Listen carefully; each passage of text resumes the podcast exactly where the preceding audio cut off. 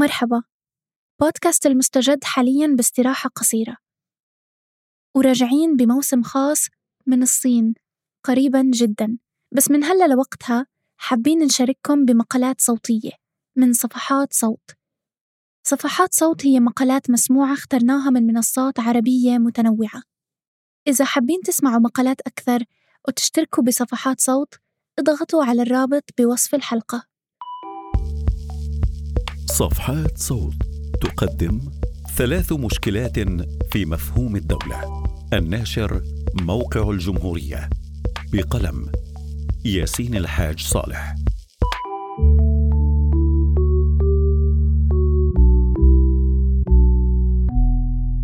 للدولة في العالم المعاصر ثلاثة أوجه. وجه اجتماعي ثقافي يحيل إلى أمة أو عرق أو دين. ووجه مؤسسي يتصل بتنظيم المجتمع وتقنين العنف وإدارة الحياة السياسية. ووجه دولي يطل على مجتمع مكون اليوم من نحو 200 دولة.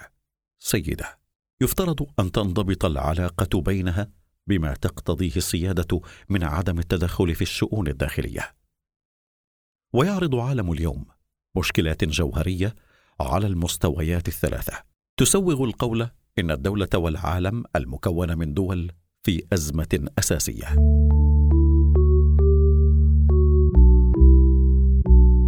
الدولة كهوية.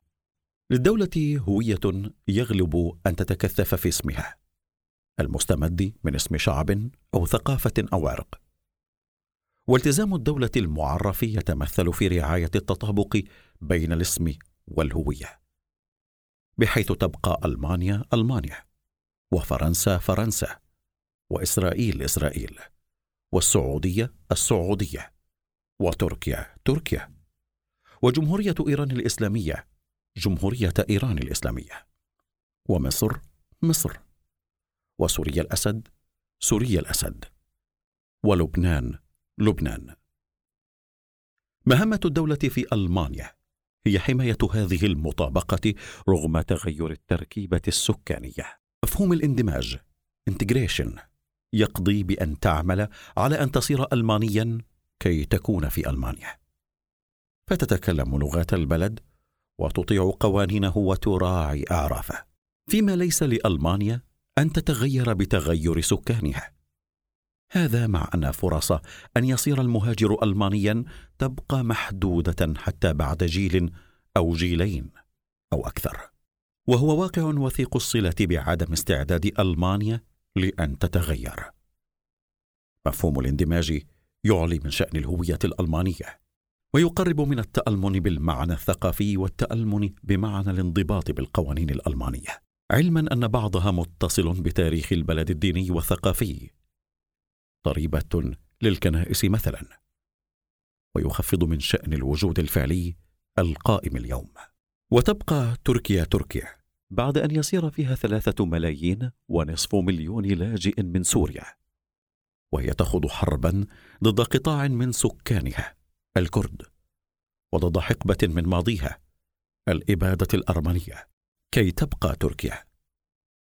وترفض إسرائيل أن تكون شيئا آخر غير دولة الشعب اليهودي. وهو ما يقتضي سياسة تمييز عنصري نشطة ضد الشعب الفلسطيني وحربا مستمرة في مناطق سيطرتها الفلسطينية وفي الجوار. وتعتمد السعودية بقدر كبير على عمالة أجنبية. ولا تستطيع سعودة الوظائف رغم أن هذا الشعار مرفوع فيها منذ سنوات. لكن غريزة مطابقة الدولة والهوية موجهة نحو إبقاء كل العمالة الأجنبية وبخاصة من غير بلدان الغرب مباحة بغير حقوق وبرسم الطرد في أي وقت مع بقاء الدولة ذاتها ملكا عائليا. وهو ما ينطبق أكثر على دول مثل الإمارات التي تعيش فيها العمالة الأجنبية في شروط عبودية وتقترب منها قطر والكويت والبحرين. ولا تريد جمهورية إيران الإسلامية أن تبقى كذلك دوما فقط.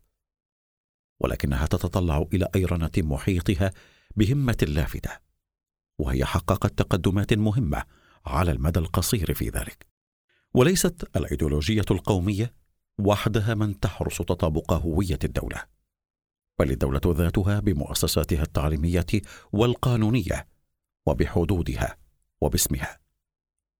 وفي جميع هذه الأمثلة وغيرها توفر الدول تماهيات أقوى لبعض سكانها بالذات بالدولة فيما يشعر غيرهم بدرجات متفاوتة من الغربة. المواطنة القانونية لا تكفل تكافؤ التماهي بالدولة. في ألمانيا يتماهى الألمان اثنيا أكثر من غيرهم قياسا إلى قدام المهاجرين من الحائزين على الجنسية الألمانية. وفي تركيا يتماهى بالدولة الترك اثنيا والمسلمون دينا والسنيون مذهبيا. هذا يستبعد الكرد والعلويين وغيرهم. أتكلم على تمييز ينبع من وعي الدولة الذاتي إنجاز التعبير أو من تعريفها لنفسها. وسوريا الأسد هي الدولة التي تقوم جوهريا على تماه تفاضلي للسكان بدولة سوريا الأسد. وليس بحال بسوريا ليس هناك سوريا غير سوريا الأسد إلا أن تكون بلدا لا أحد وهي تخوض حربا قتل فيها سلفا أكثر من نصف مليون وتهجر سلفا أكثر من نصف السكان ونصف النصف إلى خارج البلد. من أجل أن تصون المطابقة بين الدولة والسلالة. ربما يقال إن هذا لا ينبع من مفهوم الدولة بالذات. صحيح لكن ليس في مفهوم الدولة ما يحول دونه وبخاصة عبر ما يتيحه من تماه تفاضلي. وتصف أمريكا نفسها كدولة مهاجرين. لكن سياسات الهجرة الأمريكية تضييقية منذ زمن طويل وانتقائية دوما. وهي من الأقل ترحابا بالمهاجرين اليوم في العالم. شعار الرئيس الأمريكي الحالي هو جعل أمريكا عظيمة من جديد. وهو شعار تتماهى به قطاعات من الوصب. البيض الأنكلوساكسون البروتستانت. وربما من اليهود. وليس من عموم الملونين. من سود وهسبان ومسلمين. ويبدو أن ما يجمع الدول بهذا الشأن ويقربها من بعضها أقوى مما يفرق بينها. الدولة كدولة تعمل على المطابقة. على أن تطابق الأشياء ذاتها. على قيود نفوس للأفراد وعلى سجلات للعناوين والأملاك وعلى ثبات العالم واستقرار الأشياء في هوياتها. وأقرب من ذلك هي جهاز مزود بوظيفة حفاظ على الأمة. وهذه قلما تطابق المواطنين. ويغلب أن يكون لها بعد لغوي وثقافي وربما ديني وجهوي بارز. تتعارض هذه الغريزة مع وقائع عالم اليوم. من اختلاط ومن تغيرات اجتماعية وثقافية بحيث تصير الدولة الأمة قوة محافظة واستعبادية أكثر وأكثر. وفي الوقت نفسه لا أحد يعرف ما الذي ينبغي عمله. ثمة تعايش مع الأزمة وإقرار بأنها أزمة. لكن ليس هناك مشروع للخروج نحو دولة السكان مثلا. الدولة كاحتكار للعنف. المشكلة الثانية تتصل بالدولة كمؤسسة حكم تحتكر العنف الشرعي. فلا يجوز لغيرها ممارسته في الداخل. العقاب والقمع. أو مع الخارج. الحرب. لا الدول الأخرى ولا أي فاعلين محليين لم تفوضهم الدولة. هذا يدرج أي عنف تمارسه الدولة ضمن نطاق المتوقع. وبالكاد قد يؤخذ عليه أنه مفرط. وهذا لأنه عنف مفهومي ينبع من مفهوم الدولة مفهوم عادي يكفل حقها فيه القانون الدولي. بالمقابل أي عنف مضاد لعنف الدولة هو إما تدخل خارجي منتهك للقانون الدولي أو هو عنف غير شرعي إجرامي أو إرهابي. على هذا النحو يصير الطريق ممهدا للجينوسايد. معظم الإبادات ارتكبتها دول واحتمالها كامن دوما في مفهوم السياده واحتكار العنف الشرعي وإقصاء إيه مقاومات عنيفة إلى مجال الإرهاب لا ينزع الصفة السياسية لهذه المقاومات فقط وإنما هو يسهل الإبادة أيضا. سوريا مثال بالغ الوضوح في هذا الشأن. وهذا واقع متفاقم منذ انتهت الشيوعية ودخل عالم ما بعد حركات التحرر الوطني في الطغيان أو التبعية. وصعدت موجة مكافحة الإرهاب التي لا نعرف مثالا واحدا لها لم تكن فيه في الوقت نفسه حربا على الضعفاء. بفعل هذا الواقع يزداد الأقوياء قوة.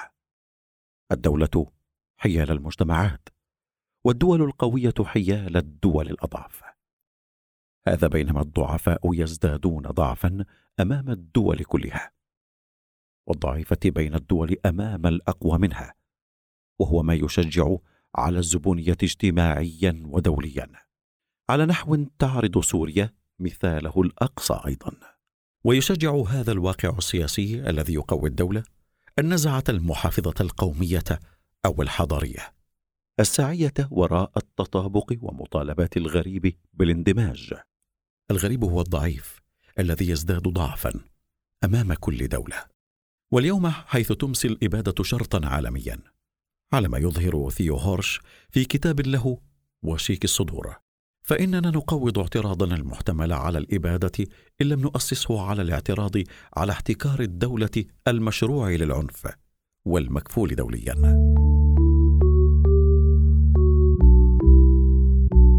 الدولة كسيادة. وفي المقام الثالث لدينا مجتمع دولي تتوزع القوة والثروة والموارد فيه توزعا بالغ البعد عن العدالة. لكنه عالم متداخل بقدر كبير وبعض مشكلاته تفيض من كل جانب على الدولة كمؤسسة حكم كما كهوية تاريخية. أعني مشكله البيئة وتسخن الكوكب والأمراض فضلا عن الإرهاب ذاته والعنصرية. بما في ذلك أبرز أشكالها في عالم اليوم. الإسلاموفوبيا. الواقع أنه لا تكاد تكون ثمة مشكلات في أي من دول عالم اليوم ليست عالمية. من حيث الإطار والاستمرار إن لم يكن من حيث المنشأ كذلك بما في ذلك مشكلة فشل الدولة. لكن الحلول والمعالجات وطنية غالبا أو حصرا حتى اليوم وهو ما يؤدي إلى تعارضها وقلة نجوعها تفاقم من ذلك الوطنية المنهجية التي تأسر أنظار الدارسين في إطار الدولة التي ينتمون لها ورؤية دينامياتها الداخلية أساسا أو حصرا فتعطي صورة مضللة أكثر وأكثر عن المشكلات. ولا تفلح في اقتراح معالجات مثمرة. ويقضي مفهوم السيادة عدم تدخل الدولة في شؤون بعضها الداخلية. رغم المجال العالمي المتداخل. ولأن هذا مستحيل عمليا على ما يظهر المثال السوري بجلاء لا مزيد عليه. فإن مبدأ عدم التدخل يستخدم على نحو انتقائي لرفض تدخلات وتقبل تدخلات. وللحيلولة دون تطوير مؤسسات سياسية دولية جديدة تعبر عن واقع التداخل من جهة. وتتدخل شرعيا ضد الشكل الوحشي من السيادة من جهة أخرى. ولعل من المناسب هنا الكلام على تصور مطلق للدولة.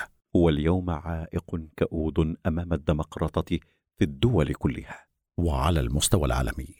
أعني بالدولة المطلقة الدولة الأمة التي تعلي تصورا موروثا للهوية على وجودها الفعلي اليوم. الدولة التي تحتكر العنف احتكارا مفهوميا يجعل العنف الإبادي غير مرئي وكل عنف مضاد إرهابا مرئيا جدا بالتالي. الدولة السيدة التي لا يجوز التدخل في شؤونها الداخلية في عالم متداخل لم يعد فيه داخل غير ما تتسامح به الدول الأقوى. الديمقراطية في أزمة في البلدان التي كانت دولها كمؤسسات حكم أكثر ديمقراطية. وفي العالم الذي تتعطل مؤسساته الدولية بفعل تحكم أوليغارشيا محدودة بأهم القرارات فيه. هذا بينما تعرض دول لم تكن ديمقراطية يوما استعدادات أبدية وإبادية وحشية.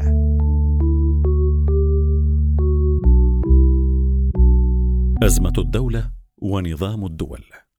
ليس هناك ما يشجع على التمسك بهذه البنى المؤسسية والسياسية والقانونية المحابية جوهريا للأقوياء. ما يمكن أن يكون تحرريا اليوم هو مناهضة غريزة الدولة الأمة نحو مطابقة صورة عن حقيقتها مستمدة من ماض تقل مطابقته لواقع الحال. وفي الوقت نفسه تقييد سيادة الدولة واحتكارها للعنف في اتجاهين. توازنات داخلية سياسية و أو مسلحه تحول دون عدوان الدولة على المحكومين ومركز الدولة على أطرافها وإعادة بناء النظام الدولي حول واقع التداخل العالمي وعلى مبدأ المسؤولية العالمية بما يطوي صفحة السيادة والدولة المطلقة ويشرع لمعاقبة الدول المعتدية على غيرها وعلى محكومها. يتجاوز هذا الأفق النظام الدولي الحالي الذي يترنح اليوم أمام الأزمة السورية. ولا يبعد أن ينهار في حال تفجر أزمة في بلد أكبر حجما. وبينما يمكن لمثل ذلك أن يحدث بين عشية وضحاها. فإن النظر إلى الماضي الحديث لا يشجع كثيرا على التفاؤل. فلم يتغير النظام الدولي مرتين في القرن العشرين إلا بعد حروب طاحنة تسببت بانهيار نظام سابق. تفوقت إنتاجيته من المشكلات على فعاليته في إنتاج معالجات ناجعة. لكننا لا نبدو اليوم سائرين حتى نحو حرب كبرى طاحنة. عقبها نظام دولي أوسع استيعابا بل نحو فوضى عالمية قد تدوم طويلا. ما يحتمل أنه ينبسط أمامنا اليوم. وأفق من حروب كثيرة مديدة. تعمل على احتوائها دول أقوى تنقلب إلى قلاع محصنة. ضرب من إقطاعية محدثة في قرون وسطى جديدة.